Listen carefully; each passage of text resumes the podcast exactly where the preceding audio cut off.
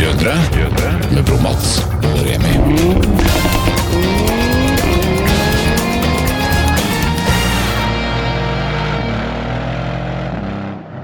Vi er jaggu meg i gang igjen, vi, Mats. Det er vi, Remi, og nå ser jeg du smiler litt ekstra. Jeg storkoser meg. Ja, det er godt å se.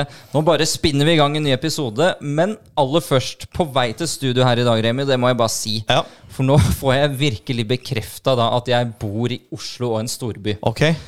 Fordi rett ved T-banestoppet her nede så får jeg øye på en gigantisk kran. En sånn gul en, eller? Den var gul, faktisk. Ja. Uh, og den frakter da noen enda større vinduer inn til et bygg da, over T-banesporet. Ja. Og da blir jo jeg selvfølgelig stående da, med store øyne og ser på den krana. ja. Og jeg syns jo det er fascinerende. Det er, altså, Jeg tenker på tyngdepunktet, hvorfor den ikke velter. Mm. Kreftene, hydraulikken som jobber, og åssen de får de vinduene inn en sånn smal dør. ja. Litt teknisk interessert, med andre ord. Ja, det kan du jo si. Ja. Men poenget igjen er jo at det er jo ingen av de andre på det T-banestoppet som syntes dette var gøy å se på. Jeg var jo den eneste som sto der og titta, og det var nesten så jeg ikke gikk på T-banen. Jeg blir fascinert. Ja, ja, ja. Det er gøy, det. Det, er, det er lidenskap og det er interesse, tenker jeg. Ja, De andre sto jo da i iPader og hørte på Unni Lindell på lydboks. Jeg er Ja, helt sikker det, på. hun er ganske flink, faktisk. Ja. ja. Hun har alltid sånn rosa leppestift. Jeg vet det. Og krøllete hår. Og glad i katter! Ja, ja, ja. Det er du mamma. òg, det er ikke jeg. Ja. Nei, du er Det er hunder, vet du. Men du, en liten ting til, da. Ja. I går så var jeg på min nærmeste matbutikk og skulle pante flasker. Og jeg skal innrømme det at det er ikke så ofte jeg trykker på den der pantelotteriknappen. Nei. Men nå fikk jeg et kall, og jeg trykka på den. Selvfølgelig ingen gevinst. Og det er på en måte ikke så sjokkerende. Og så er jeg da på samme matbutikk dagen etter, og jeg ser da en dame helt tilfeldig som panter på samme maskin. Ja. Det er under et døgn siden. Ja, ja. Hun trykker også på pantelotteriknappen. Hun vant! Blum, sa det. Nei. Og jeg bare ah, Det er så typisk. Nå trykka jeg på den knappen i går for første gang på en stund. Ja, ja. Og jeg fikk jo så lyst. Jeg var så langt unna å spørre Unnskyld, hvor mye er det du vant? Ja, for det sjekka du ikke. Nei, jeg turte jo ikke det. Det er nesten like greit å kanskje ikke vite. Ja. Men da kan du tenke følgende at dine penger gikk i hvert fall til en god sak. Ja. Og penga hennes gikk rett i lomma hennes. Ja, det er et godt poeng. Ja, ja, noen panter tomflasker, andre kjører bil. Så nei, du vet hva, nå har det vært så deilig hver den uka som har vært. Ja, du, Sommeren den har jo faktisk gjort et lite sånn mini-inntog. Uten tvil har vært, vært eh, over 20 grader. Sol og 20 grader. Fantastisk. Og nå er jo ikke asfalten bare tørr, den er nyvaska. Ja! Det er til forskjell fra forrige gang. For Ja. Sist så snakka vi litt om eh, at veiene er tørre, Ja. Mm. og du kan ha noenlunde rein bil. Men den blir jo støvete med en gang. Ja, men ikke nå. Nå er det problemet. Nå er det vaska, nå er veiene skikkelig klare. Sommerklare, vil jeg si. Og da veit jeg at hvert eneste fiber i din kropp, Remi, de skriker etter kveldsturer, for det er du ganske glad i. Det er helt riktig. Ja. Og det er så deilig. Det er litt den der timeouten jeg trenger før jeg legger meg noen ganger. Ja. Eller egentlig nesten hver kveld. Det er deilig å få den der ja, kvarter, 20 minutter, kjøre meg en liten runde. Helt alene. Helt aleine. Kjøre på ja, Jeg hører faktisk på jazz ofte. Deilig. Behagelig da, på Deilig. kvelden i hvert fall. For det slipper å forholde deg til. Det bare er i bakgrunnen. Det er så deilig. Kjøre tur på kvelden. NRK Jazz står på popanlegget, som de sier. Og det er, eh, da får du nullstilt huet ditt, og Mm. bare nyte, i hvert fall nå når sola går ned. altså. Jeg husker jo du sendte meg en snap fra egentlig det du forteller om nå. Og jeg synes Da satt jeg bare hjemme i sofaen, og jeg ble liksom dratt inn i moodet med en gang. Det, var så, det var så koselig solnedgang. Ja. Du hadde kjøpt deg en is på lokale Essoen. Det er jo det er sånne turer som også Du trenger ikke alltid å jage og gi full gass selv om du eier en R6. Nei, og det er litt interessant, for det har vi pratet om før, at det, selv om du har en veldig motorsterk bil, da, som Ja. Mm. i dette tilfellet med 605 hester som jeg har, det er ikke ofte jeg bruker det til det fulle. altså. Nei. Det er bare det med å vite at du har de kreftene i ryggen. Ja, det er noe med den følelsen der. Ja. Å bare vite at du har det i bakhånd hvis du har bare lyst til å brå i en gang, eller Ikke hvis det kommer noen bøller bak deg. liksom. Selv om du har en eh, rask galopperende hest, så galopperer du ikke hele tida. Nei. Du gjør ikke det. Men når det er sagt, Remi, den høyrefoten din, den er Du skulle tro det var bly noen ganger òg. Ja, jeg har ikke kjøpt en bil for å suse rundt med NRK Jazz på radioen hele tida. Altså. Nei. Det hender at jeg setter på noe litt mer heftig på radioen, og så gir vi litt mer gass. Og jeg har klekkelig fått oppleve det, hvordan den R6-en imponerer. Altså, det er jo en stor bil. Det er Ja. Mm. to tonn. Det er grisebreie hjul. Men den slipper jo på tørrasfalt. Ja, og det forteller jo hvor rått det faktisk er. Eh, og det er klart at Jeg hadde eksempel i går, så hadde jeg besøk av en som ville komme og høre på lyden din. Som kom fra Kløfta. Veldig hyggelig. Eh, og så I likhet med faktisk ganske mange andre som har den RS6-en jeg har, så har de gjort en liten tuning på den. Det har ikke jeg, da, men noen har gjort det. Og så spurte en av nysgjerrighet liksom, ja, hvor mange hestekrefter og newtonmeter sitter i bilen din. Vet du hvor mye han hadde? 720 hestekrefter og 1010 newtonmeter. Er det da på en original motor? Ja, det er det. Og da tenker jeg åssen holder drivverk og girkasse og Det, det blir jeg er nysgjerrig på, ref det vi snakka om i stad, med teknisk eh, Og krana, ja. Ja, ja, ja. ja. Så men Det vitner om at det er eh, ordentlig ingeniørkunst som eh, tåler eh, mye moment. da, altså. Men du, ta oss bare hjem igjen, da. Jeg vil litt tilbake til jazzen, for det er så koselig bilde. Ja, ja, ja. Når du da har kjøpt denne isen og fått roa øregangen med litt jazz, og bare den følelsen av kjøre inn i garasjen ja. og vite at den bilen bare står der klar til morgenen etter, Det er Åh, nydelig. det er kjempegøy, og jeg gleder meg til å stå opp hver morgen til å sette meg i bilen og bare starte den. Og da, jeg, jeg sover litt ekstra godt da. Jeg vet at uh, lille babyen på firehjul står liksom uh, etasjen under. Da du hadde en Kia, uh, hva het den? Seed. Seed. Ja. Du, du sov ikke like godt om nettene, kanskje? Nei, jeg var litt urolig, faktisk. Ja. Og helt på tampen, Mats, så må vi snakke om de utrolig hyggelige invitasjonene vi har fått. Ja, nå er det virkelig oppblomstring av ulike bilarrangement over hele landet. Ja, Og det gjelder jo selvfølgelig alle disse drive-outsene som kommer nå mot sommeren, eller i sommeren og gjennom sommeren. Carlsen Coffee-treff, det er messer overalt. Ja. Og vi setter kjempepris på, ydmyke og glad for at folk inviterer oss. Men vi har ikke mulighet til å være på alt, Nei, dessverre. så vi skulle sikkert klone oss. Vi får dra til Sveits og klone oss Kanskje til fem det. eller noe. Ja. Og det er, det er litt som å være i leketøysbutikken da jeg var liten. Mm. For det, når jeg skulle kjøpe Pokémon-kort, da eller POG, hvis du husker POG Nei, det er for ung. Nei, det vet Nei. jeg ikke hva er. Po- Men Pokémon-kort, da. Ja. Og da hadde du lyst på alle sammen, men du måtte velge ett eller to. 0 til 100s ukens bil.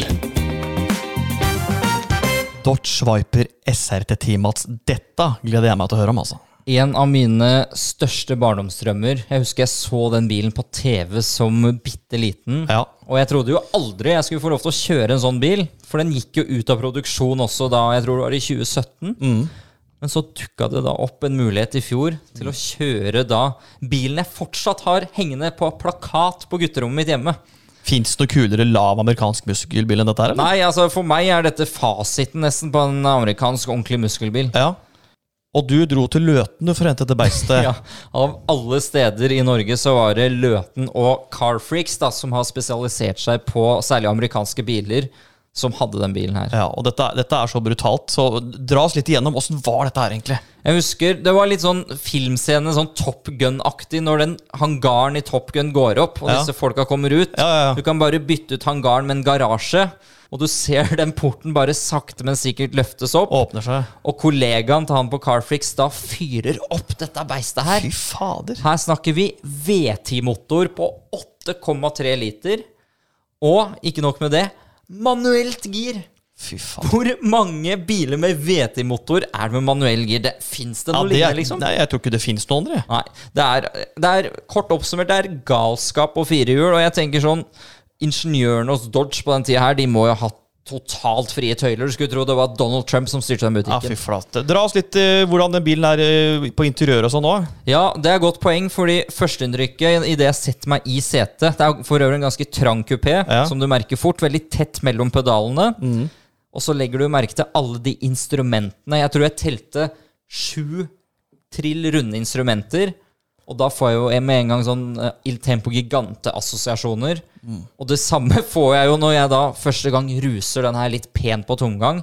Jeg bare så for meg asfalten krølle seg sammen, akkurat som i Flåklypa. Ja, og jeg må fortelle, for jeg var jo nok en gang så heldig å få lov til å være med da, noen, en liten runde eller en liten kveld med Ja. den bilen her.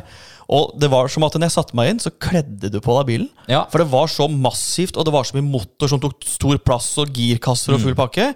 Det var ikke mye plass til beina der, altså. Nei, og så husker jeg jo den varmen du så Ja. jo ut når vi stoppa i lyskryss og sånn. Så så du den varme eimen Ja. bare steg Sånn der ut av over asfalten om sommeren. Sånn var det over motoren. Sånn var det av hele, Hele det bilen. lange panseret. Ja. Og også inni kupeen. Og det er jo, altså, vi hadde jo klimaanlegget på full guffe på kulde. ja, det hjalp nesten ingenting. Nei, for den motoren er så stor Mm. og varm. Og det er ikke kødd engang. Morgenen etter jeg hadde parkert bilen, den hadde stått stille over natta. Det var fortsatt varmt, altså. Var det Du kjente motoren var nesten rødglødende fortsatt. Og da tok du med deg speilegg og bacon og stekte på? Ja, jeg fikk lyst. Ja, Men ja, ja. apropos steking, Remi. Ja. Vi brant jo rett og slett av legghåra dine. Ja, jeg slapp å skjeve i leggene å komme med. Fordi når jeg skulle gå ut av bilen Den bilen her har jo det som heter sidepipes. Yep. Og det som er kult, ekte feite sidepipes på hver Altså side. eksosrør på siden. Jeg vet ikke om det var tre-fire tommer store, men Nei, det var det var digert og varmt. Varmt, ja. Når, jeg skulle, når jeg skulle gå ut av bilen, så tok jeg leggen bortpå, da. Ja. Og jeg brant bort legghåra. Jeg husker den, Det var litt som å legge bacon på en varm grill. Ja, men det kom, jeg husker ikke lyden. da, Sånn. Jo. Men det var vondt. Du, du ler, du lo fælt av, men det var jækla vondt, altså. Jeg Så tror du, du har et lite Du har et sånn bleikt område. Ja, du ser arret her. Ja. Du ser det. Det er rødt ennå. ja. Men Mats, dette må, du, dette må du virkelig fortelle hvordan det er å kjøre, altså. Jeg veit ikke helt hvor jeg skal begynne, for det er så mange inntrykk du får av en sånn bil. Og det er klart, dette var en 2006-modell, og det var jo igjen på den tiden at det var liksom litt sånn frie tøyler. Dette skulle bare være galskap og brutalt. Men jeg husker jo, selv om det var en ganske brutal motor her, så tar det litt tid før alle disse kreftene slipper seg fullstendig løs. Så jeg tror det var sånn etter 4000 omregninger, da kom sjukehuset fram. Og det er som å slippe løs en ulveflokk på et sauejord. Det er helt bananas. Og det spiller ingen rolle hvis du bomgirer, for her har du moment uansett.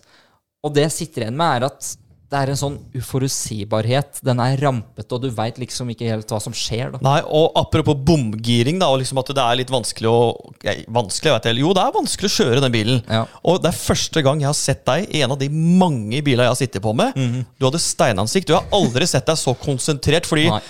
den bilen må jo kreve mye av en sjåfør òg.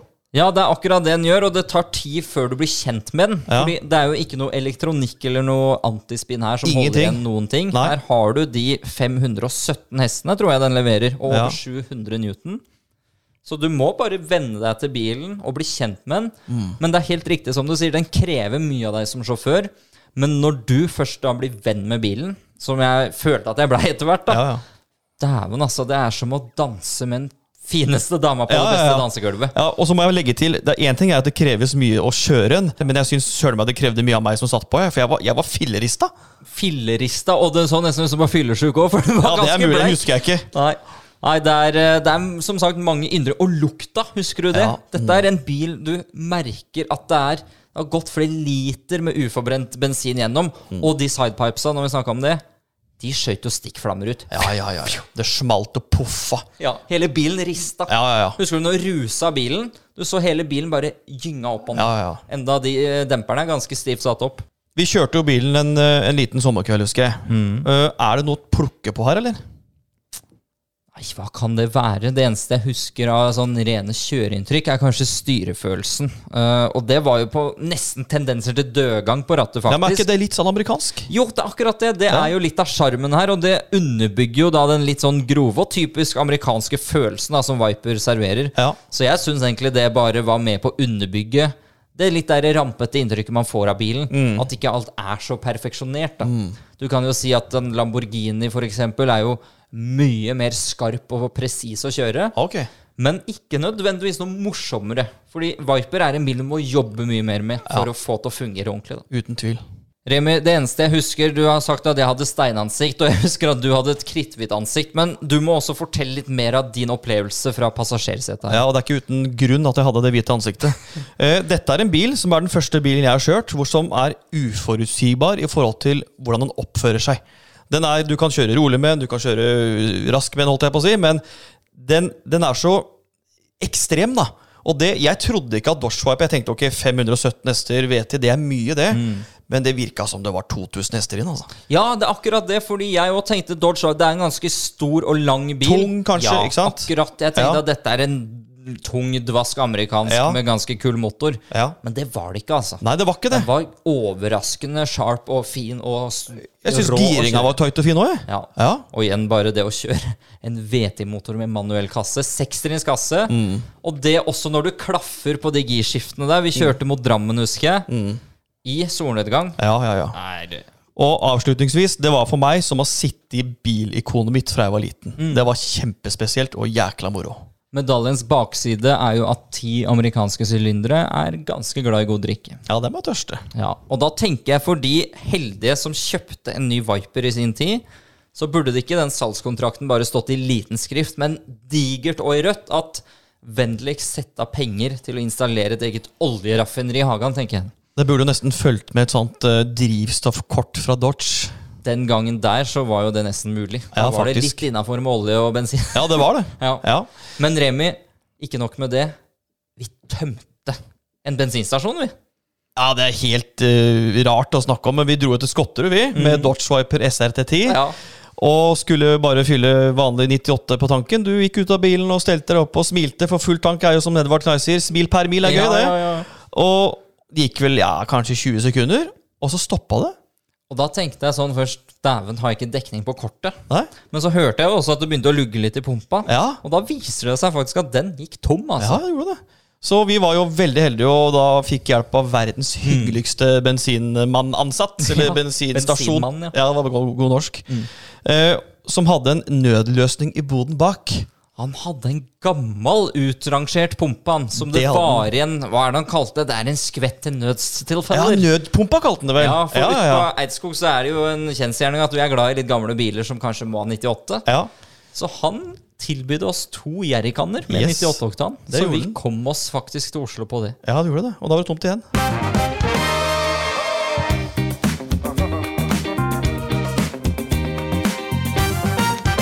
Remi, vi har fått uh, storfint besøk i studio. Igjen. Helt fra Flisa kommer du, Thomas Holmen.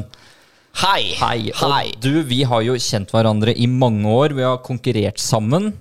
Og du har rett og slett opplevd veldig mye på fire hjul. Hvor skal vi begynne? Vet du, Vi må, må jo begynne med crosskarten der det hele starta. Det er jo der vi møtte hverandre, og det er jo der vi har eh, holdt på siden vi var uh, småjyplinger. Ja. Og nå har vi vokst oss til store Jyplinger? jyplinger. Du er for øvrig, må jeg bare skyte inn, du er fra samme sted som Matoma. Jeg er en matomakær. mattomakær. Ja. Jeg preker. Ja. Du må love å ikke grine altfor mye i Ja, altså, det er ikke like mye grining, men Vi eh, papir, vi da. preker. Ja, vi har eh, Hva heter sånn Kleenex? Tissue. Kleenex. Ja, Kleenex tror Ja. jeg jeg skulle fram til. Thomas Crosskart. Vi starta der det var eh, Du var vel en 12-13 da jeg møtte deg første gangen. Jeg var 11. Ja. Og så har vi jo kjørt eh, både i Norge, i Sverige og i Europa, og vi har jo holdt på med mye sprell på både på og utapå banen. ja. Og det har vært ganske tette fighter eh, til tider der, altså. Ja, det har det, og det Jeg har jo noen filmer at det du plutselig ligger bak meg, og så har du hensa Én film. så har du jo sett at en Brustad har kommet forbi hvis de har ligget i et autovern og Nei, vi har gjort veldig mye. Vi har det. Fortell litt mer om crosskartsporten, hvor brutalt det faktisk er. Det er heftig. Ja, men det er tøft. Det er, det er jo, det er jo gokart. Det er jo gokart på grusehjul. Mm. Uh, jo, det, altså det sier du hesteantallet, så eh, i motsetning til en RS6, Ja. som du, Remi, kjører, så er det jo ikke så mye hester, men det er det at den er så lett. Ja. Så det, det blir jo så ekstremt at du slipper av kløtsjen og tråkker gassen i bånn. Mm. Og du ser jo det disse her eh, Crosskart Extrema, som det er det siste jeg har kjørt. Ja. Det er jo 150 hester på ja, hva er det, 420 kilo? Ja, det, er, det sier seg selv. Det er ekstremt. Og jeg husker også den tiden du snakker om òg. Det var jo da både Oliver Solberg og til og med Petter Solberg kjørte jo en del selv. Ja, han gjorde jo det, og det, det er jo et miljø som vi kom inn i. Og derav så kom jo òg videre interesse for rallycross. Det er jo litt på grunn av eh, Petter og Oliver og det miljøet som var i crosskart på den tida, da. Det er det. Ja, For du har også kjørt rallycross i mange år. Jeg har jo gjort det. det vi gikk jo over til rallycross etter hvert. eh, Som, eh, som resultatet vokste, så vokste jo òg bilen. Og da endte vi opp i en rallycrossbil og har annet kjørt VM, det har vi gjort, da. Ja. I 2017. Du har gjort så mye at vi må faktisk bare prøve å skuffe oss gjennom hele Ja. agendaen her. Fordi du er jo veldig glad i vanlige biler også. Og jeg husker jo det, Thomas, at du veldig lenge kjørte en Det må være lov å se en ganske sliten Mercedes GL. Og jeg, jeg husker jo en tur vi var på sammen, så altså det dashbordet så ut som et tivoli. Du har jo opplevd så mye når det kommer til bil. Altså det, så hvis du, selvsagt, du kan jo definere det som et tivoli. Altså det, det var jo førstegangsbilen jeg hadde, og jeg var jo storfornøyd. altså Men det, det må jeg si, det er rått å kjøre en GL når du er 18 år, altså. Det er For bra, brakke på hjul, er det ikke det? jo, det er brakke på hjul. Det er, kan, båt! Det er båt, Båt, på hjul. Altså det, det, det er jo en båt på hjul. Ja. Men uh, for en god bil å kjøre. Og Ja. den uh, Jeg husker da, at det, da jeg fikk lappen et, det, var, du, det, er litt gøy. For at jeg fikk lappen eh, etter et løp i Frankrike. Mm. For jeg, jeg sleit jo med teorien, vet du. Litt på grunn av at det diagnostiserte meg ADHD og litt konsentrasjonsvansker. Ja. Så jeg var på jobb. Jeg fikk prøva på en onsdag. Så skulle jeg til Frankrike og kjøre en helga. Og så fikk jeg oppkjøring på mandag. Ja. Og det her var så kult, for etter løpet på Frankrike så måtte jeg forte meg til flyplassen. Og der møter jeg på ei fra, fra Belgia som hadde, hadde, hadde sniket seg vekk fra jobben for å reise på bryllup. Så vi ble jo sittende da og skåle sammen den der kvelden. Og så var det rett opp dagen etter, Ja. og da teorien. Var du kjørbar, da? Jeg var kjørebar. Jeg Ja, var det. Jeg var det. Jeg var tidlig. Du blåste og sjekka, ja. Jeg gjorde det. Det. Men Thomas, litt tilbake til tivoliet ditt. Du må fortelle litt mer om disse lampene, for det er jo faktisk ikke å overdrive. Nei, men det er Mercedes. Det er Mercedes, Så uansett om du har et tivoli, et sirkus i, i dashen, så det bare går og går. Det går og går, ja. Ja, der, der kommer du til poenget, for jeg husker jeg kommenterte til deg på den Jeg tror vi skulle til Hafjell eller noe sånt. Så sa jeg Thomas, nå må dere i hvert fall få serva denne bilen her. Men så sier du ja, men det er jo Mercedes, det bare går jo. Ikke Selv om det lyser 100 varsellamper, det funker jo. Ja, det funker, og det, det Altså, det Alt til sin, alt til sin grad. Det, vi har jo selvsagt måttet skru litt i etterkant, litt på grunn av de beslutningene som har blitt tatt. Ja. Men uh, i sin helhet, det er Mercedes. Det er litt av sjarmen, er det ikke det? det er sjarmen. Det er det. Men jeg må spørre, du har jo ikke bare hatt eh, Mercedes, du har hatt litt forskjellig, og så kjøpte du en BMW X4.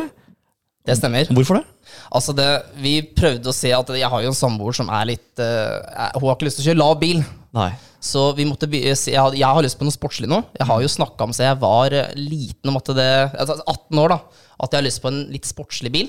Og der falt jo da valget på X4-en. Både stor komfort, og så er den litt sportslig i utseendet. Ja. Tysk. Tysk. Og Thomas, før vi snakker om bilen du kjører i dag, så må vi også ta med det at du har faktisk vært Porsche-instruktør. Og det første oppdraget ditt, det kom vel hva skal vi si, noe brått på. Altså, det gjorde det. Eh, Jeg fikk jo Jeg søkte jo på jobb, og det fikk jeg jo. Det var mye mailskorrespondanse fram og tilbake, og vi ble enige om at det, vi skal få to dager eh, med prepping. Der vi skal kjøre, der vi skal bli litt kjent med bilen. Ja, Nå, nå snakker du jobben da som Porsche-instruktør. Porsche-instruktør, ja. Og så kom jeg opp dit. Første kvelden var det egentlig mer sånn her koseprat. eh, Hello, I'm Thomas. eh, nice to meet you. Eh, kommer dagen etter, reiser opp på bana, og så f kommer en, han ene instruktøren kom bort til meg bare Ok, Thomas. Ti minutter, så er de første kundene her. Er du klar? Og da skulle jeg ha to stykken fra Kina, som jeg skulle da instruere ute på isen i to dager. På isen, hvor er dette? Dette her er i Åre, oppe i Sverige. Oh, ja. Ah. Og du vet at det er 18 år, nylig fått lappen. Jeg har aldri kjørt bakhjulstrekk. Altså, på, jeg, jeg har kjørt bakhjulstrekk bil, men jeg har aldri kjørt bakhjulstrekk på is. Og der skal du være instruktør! Og der skal jeg være instruktør, og ikke nok med det, men jeg har aldri kjørt med H-giring heller. Nei, nå, ble jeg, nå er jeg spent på hvordan dette altså, gikk. jeg er veldig spent på hvilke krav man hadde Ja, det som på. instruktør. Altså, det, det, det gjelder å kjenne kontakter. Det gjelder å ha det der. Det ligger mye grunn der. Men altså, jeg blir jo med han, han instruktøren så jo det at det her kom brått på. Da han uh, kasta opp i fleisen på en måte det to fra Kina kommer om ti minutter. Så vi hoppa jo inn i bilen, og så tok vi en runde på isen, så han bare fikk se åssen det føltes. Og det skal sies at det, de instruktørene som er der, de har jobba der i mange år. Blant annet en av dem som hoppa ut av skolen, barneskolen, eller ungdomsskolen, for å satse på VRC. Oi. Og har eh, kjørt med Colin McRae, blant annet. Så han er god. Såpass. Og på slutten, da var vi faktisk like raske ut på isen her, nesten. Så det, det, var, eh, det, det, var, en latt, det var en bratt læringskurve. Men det Hvordan gikk det med kineserne? Altså, det, de var kjempehappy. Ja, Og det var ikke bare de som var- der, men du traff jo på veldig mye forskjellige folk. Men hvilke biler er det dere kjørte? Vet du, hva, Vi kjørte klassiske, gamle, men nydelige Porsche 911. Oi, Åh. dæven. Fortell litt mer om kjørefølelsen å kjøre 911 på is, Thomas. Altså, det, det, det, er det er nydelig. Altså, det, ja, men, altså, det kjøre, Nå høres det litt ut som Atom her. Det er, det er nydelig. Begynner å grine nå. Det er så vakkert. Tårer i øya nå. Kleenex-remmer. Ja, henter med en gang. Ja, men altså, det, det er eh, fantastisk bil å kjøre. Og det skal sies at det, det kom en nyere Porsche 911 inn på isen her. For at det siste dagen da kom det noen sånn pengesterke folk, og de ville ha inn en ny en. Og jeg fikk jo prøve den på isen òg. Og kjøreegenskapene de er faktisk skumle like hverandre. Altså, selv om det, er 30-40 år imellom. Så det er tøft. Det forteller igjen det Porsche DNA og 911, hvor solid og hvor forut for sin tid 911 var. da. Både på design, det lever jo i beste velgående, men også det du sier om kjøreegenskaper. Men Thomas, hvis vi skal spole det inn litt fram igjen. Nå har du en annen bil igjen. Du har bytta ut X4 med Mercedes AMG GLC 43. Jeg har det. Og det var, det var på timen av handlingsevne. Altså det, jeg er stor i kjeften, men når det kommer til handlingsevne, der er jeg veik. Så jeg har jo snakka om Altså, vi begynte med en GL, men allerede da så dreiv jeg og satt på Finn og drømma meg bort. Og hadde en far som fyra opp litt på det, men eh, det er jeg som har vært litt For faren din er ikke akkurat lite bilinteressert, han heller. Nei, altså han er, Vi er en bilinteressert familie, det er vi. Og det har, sine, det har sine fordeler, men altså, noen økonomiske ulemper kan Ja. man vel si. Uh, og det var litt derfor jeg har holdt igjen, for jeg er en blåfant. Men uh, da jeg, vi satt med en X4-en, og jeg ser at det, nå har vi handla hus, Skal snart begynne å pusse opp. Nå er det på tide behandling. Ja. Så da var det rett inn på Finn. Vi fikk ut uh, den X4-en, og da var det inn med GLC. Men hvordan endte du opp med GLC? Nei, Altså, det, igjen, litt vi er tilbake til. Vi har en konemor som skal ha det litt eh, høyt i bilen. Ja. Og jeg kan jo ikke kjøpe to biler, så derfor så må vi prøve å imøtekomme hverandre på promisser. Alltid en bil, da. Alltid en bil. Og da ble det fort moped. Da ble det fort moped. det var gærfort moped. Ja, gærfort, ja. Ja, det er moro. Så det er gøy. Og så når det kommer til lyden og Du vet at det, nå har jeg kjørt diesel, så jeg fikk lappen. Og det å sette seg bak rattet på en bensinbil, som det popler litt i når du starter opp, Ah, det er en deilig følelse. Ja, deilig, Ja, Ah, du kjenner til det, Remi? Ja, ja, ja. ja. Skal poppe litt. Jeg skal poppe litt. Eh, så det er jo en fryd og gammen å sette seg bak rattet på denne bilen. Og det, de fleste sa til meg at det for det er mange som prøvde å snakke meg fra det her, med tanke på at det, situasjonen var som den var, med hus. Men eh, de sa at jeg ble lei etter to uker. De kan gå og legge seg. Ja. Ja, de kan gå og legge seg. Ja. Altså det, nå sitter jeg her på andre måned, Ja. og jeg er like Det er like gøy. Ja, det er like gøy hver Du gang. sender meg jo nesten snap hver dag, Thomas, om at du vasker den. Ja, ja, du altså, vasker den selv om den er det? skinner igjen. Ja, altså, du, du liker vasking, Remi? Ja, ja. det varmer hjertet mitt. Ja, det er kjempegodt. Ja. Så det, det er eh, Jeg får så kjeft av fruen for at jeg driver og overdriver den vaskingen her. Men det er noe spesielt med det. Ja. Det er sol, det er helg, det er lørdag. Nydelig. Fantastisk. Fugla kvitrer, og skummet går på bilen. Nei, det er helt, Ja, helt nydelig. fantastisk. Og Thomas, du bor jo som nevnt da skikkelig på bygda, og jeg regner med at du har en del gode landeveier du får testa dette her på. Det er gøy du sier det. For da jeg henta denne bilen, så kjørte jeg pent hele veien fra Elverum. Nei, fra Trondheim. Men så kom vi til Elverum, og der skulle jeg prøve å teste ut litt. Og det var vinterveier. Og da vi Jeg skulle kjøre en liten annen vei hjem, bare for å teste litt sånne kjøreegenskaper på bilen. Og det funker, altså. Og det ble jeg overraska over, for at det er jo en firestrekk, og du forventer jo en 50-50 drivlinje.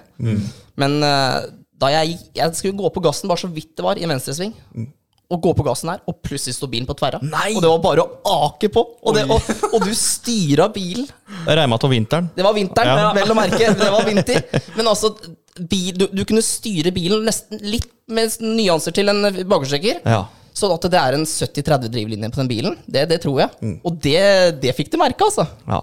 Så det var gøy. Det er ingen tvil om at du har valgt noe gromt. Det lyser jo stjerner i øya på Ja, deg nå, Thomas. Ja, det, det er en morsom bil. Og det, den, dagen jeg skal, da, den dagen jeg må selge den, da tror jeg jeg kommer til å ta en Atom av et år, altså. Ja. Kjenner jeg begynner nesten å bli Mm. Du får ta vare på den, da. vet du. Ja, jeg må gjøre det. Så blir klassiker etter hvert. Ja, jeg får gjøre det, tror jeg. gjør det. Du Thomas, du har jo sikkert en eh, kjempetjukk bok full av masse gode bilopplevelser. Men da blir jeg litt nysgjerrig på hvem er det du husker aller, aller best?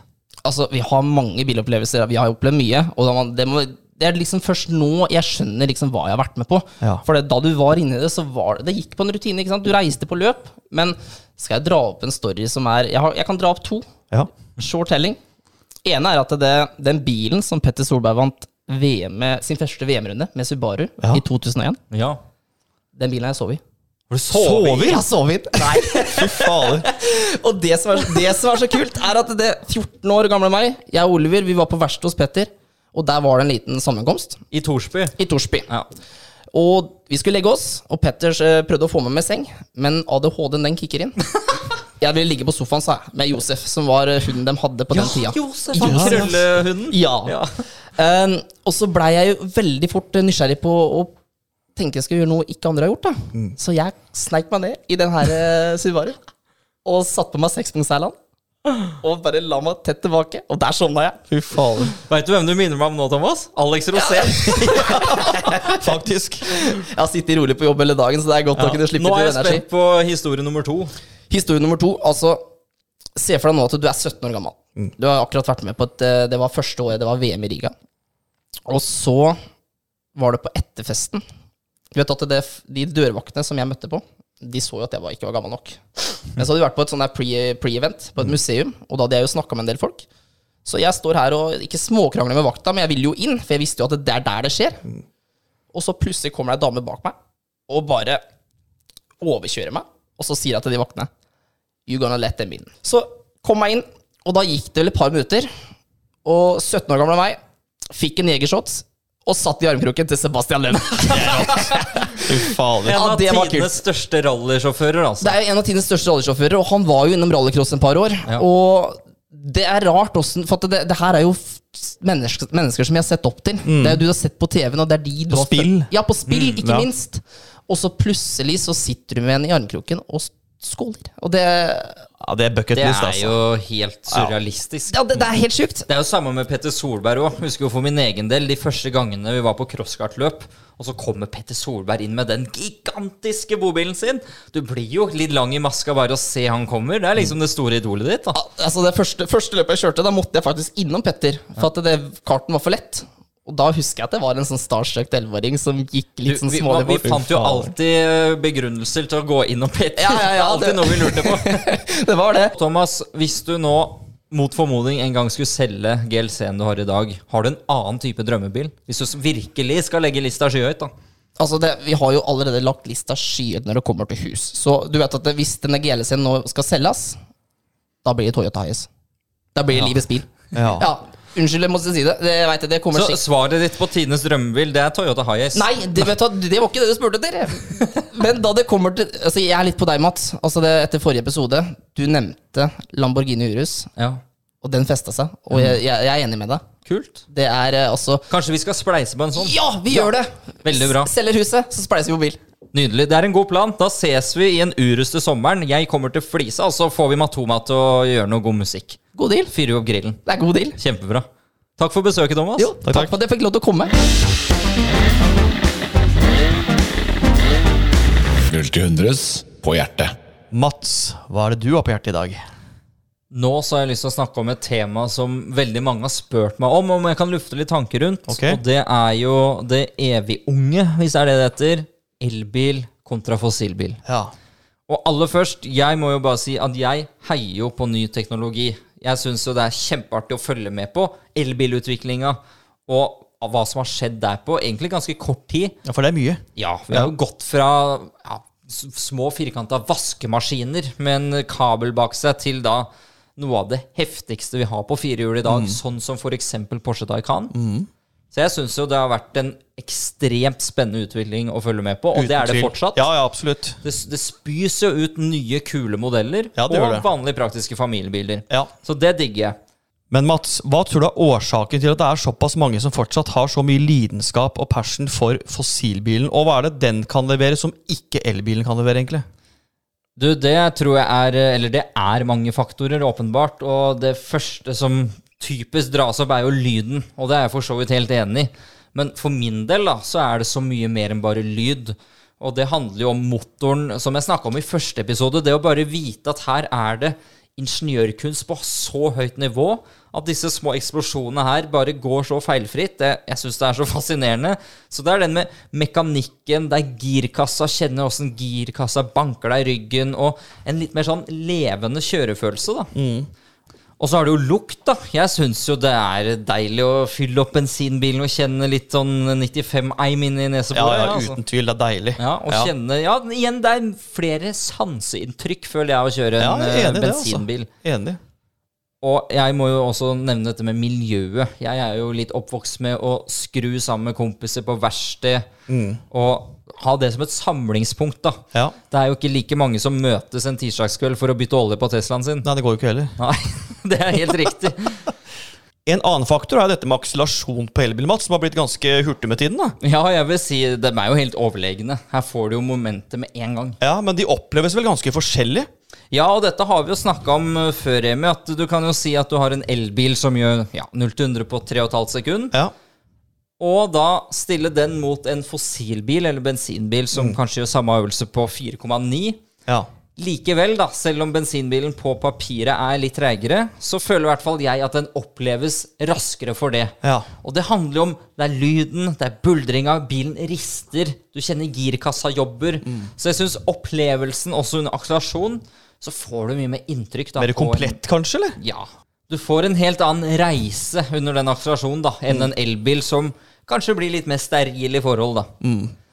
Og en siste faktor som jeg vet blir diskutert litt, og som jeg kan på en måte se en del poenger i, det er jo dette med design. Jeg syns jo mange av de nye elbilene i dag de blir så like. Særlig interiørene. Ja. Det ser nesten ut som det er VM i å ha flest eller størst skjermer. Ja. Og da er det liksom ikke så mye design å spille på igjen. Litt da. for mye touch, litt for lite knapper, litt for Ja. lite linjer, kanskje? eller? Så kan du jo si at det er jo en trend på vanlige kall det fossilbiler òg, men Ja. jeg føler kanskje at elbilene, både på eksteriør og interiør, blir veldig like, da. Kontra før i tiden, hvor det virkelig skilte mellom bilene. Men vi må jo nevne Mats, at det finnes jo mye brutale rå elbiler. Og vi har vært så heldige å fått lov til å prøve bl.a. Porsche Taycan Turbo S. Turbo S, ja, verstingen. Det husker jeg. Fytti katta, den går, Ja, altså. fy flate. Du fikk jo vondt i brystet ditt, Ja, men Det er helt oppriktig sant. Fordi det, det er noe med det du sier at ok, det er mer brutalt å oppleve 0 til 100 i en fossilbil og med vibrasjon og lyd og det greiene der. Men det, det hva skal jeg si, umiddelbare momentet og den kicken du får i ryggen av Ja. f.eks. Porsche Taycan eh, Ja, ja. Turbo S Det er som å bli slått med en hammer, altså. ja, Jeg hadde vondt i brystkassa lenge Og så sitter altså Taycan sitter som lim på veien. Ja, det var helt Det er drøyt, helt, det er altså. litt Og det som også er fantastisk med Porsche, som de har fått til der, Mm. Det er veldig mange fellestrekk med 911. Ja, det er det tight og fin. Og du inni så merka du vel nesten ikke at det var en elbil. Sann er selvfølgelig lyden, men det gikk fælt, og det var bra. Mm. Ja, du blir jo altså. oppslukt i alt det andre. Og det er så mye kule elbiler på vei òg. Ja. Tesla Roaster kommer jo en ny generasjon. Og 0 til 100 på den her. jeg tror jeg er under to sekunder. Tenk Den har rakettmotor! Det er helt vilt. Du har Hummer, det er Cybertruck. Ja. Så Nei, jeg syns det er gøy med elbil, og Det for all del. Og det blir kjempespennende å se alt det andre som kommer innen veldig kort tid. Helt enig. Ukas uff. Hæ? Hvorfor det, da? Ja, ok. Å ja. Vi er enige om ganske mye når det kommer til bil, Remi. Ja, stort sett. Ja. Men når det kommer til klimaanlegg, der er vi rykende Å, uenige. ikke begynne. Fordi vifta den skal selvfølgelig alltid stå på manuelt. Auto! Nei, manuelt! Du skal ha kontroll selv. Ja, vi har trykket på auto. Nei, da Jo. har du ikke kontroll. Da, altså, da høres det ut som en jumbojet som tar av hver gang. Det Ja. er så mye støy og surr. Ja, men det er klima, da. Det er luft. Kjøp på manuelt, og få det komfortabelt og stille og rolig. Å, du er så gammeldags. Du skulle sikkert hatt sånn sveive foran på bilen for å sveive den i gang, du. Sveiv og pumpebrems, ikke Fy noe ABS. Greit, vi avslutter Fint, fint. Hei, hei, hei. hei. Lytterne bestemmer. Nå er det på tide å overlate rattet til lytterne Oh, våre, yes. Remi. Og vi har fått inn mange spørsmål siden sist. Ja. Veldig morsomt. Veldig gøy. Og vi går rett på sak med Benjamin, og det er et ganske godt spørsmål, og det burde vi kanskje ha sagt før, men han lurer på hvordan ble dere kjent? Ja. Det husker jeg veldig godt, for jeg møtte jo onkelen din Tom Brenna lenge før jeg traff deg. Ja, stemmer det. Ja, vi kjørte crosskart sammen. Og da husker jeg jeg fikk nyss i på Facebook, for du hadde jo da kjøpt deg din nye Audi RS3. Ja, følger med, altså. Den svarte. Ja. Og det husker jeg jo at Tom kommenterte. Og da poppa jo det bildet opp i min feed også. Ja. Og på den tiden der, og det er det jo for øvrig fortsatt, så var jo dette kanskje min ultimate drømmebil. RS3 rekke 5 kompakt bil. ja. Det er jo bare nydelig. Så jeg slang jo inn en kommentar, jeg også. Skikkelig lidenskapelig, og gratulerte deg så mye med nydelig bil. Svart, nydelig spekk. ja. Og fra den dagen så har jeg aldri brukt mer bensinpenger. Nei, det kan angre på at du svarte på den. Ja, for fy du flate. responderte vel med et eller annet 'tusen takk for hyggelig tilbakemelding', og vi får sikkert til, og hvis du vil se på den en kveld. Ja, ja, ja. Og det endte vel nesten med at jeg har kjørt den bilen mer enn deg. Ja, det er ikke langt unna. Og vi, nei da, spøk til side, det var hyggelig. Og vi har jo da utallige hyggelige turer med den bilen der i Ja. Maridalen, Oslo, omegn, egentlig overalt. Ja. Og har virkelig både testa bilen og har masse kule opplevelser med den. Og Mm. jeg er i hvert fall utrolig glad for at du sendte meg den meldinga den dagen. Og så er det et veldig godt eksempel på dette bilmiljøet igjen, hvor man får virkelig mange gode kontakter Ja. og venner Ja. mellom oss to. Har blitt Ja, et kjempebra vennskap, og ikke minst denne podkasten her. Absolutt. Med alle opplevelsene vi har hatt, både i RS3 og den RSQ3-en du hadde. Snakker samme språk, da. Lidenskap, ikke sant? Ja, Det er noe med det. Så det er vel uh, korte svaret på hvordan vi møttes. det er det.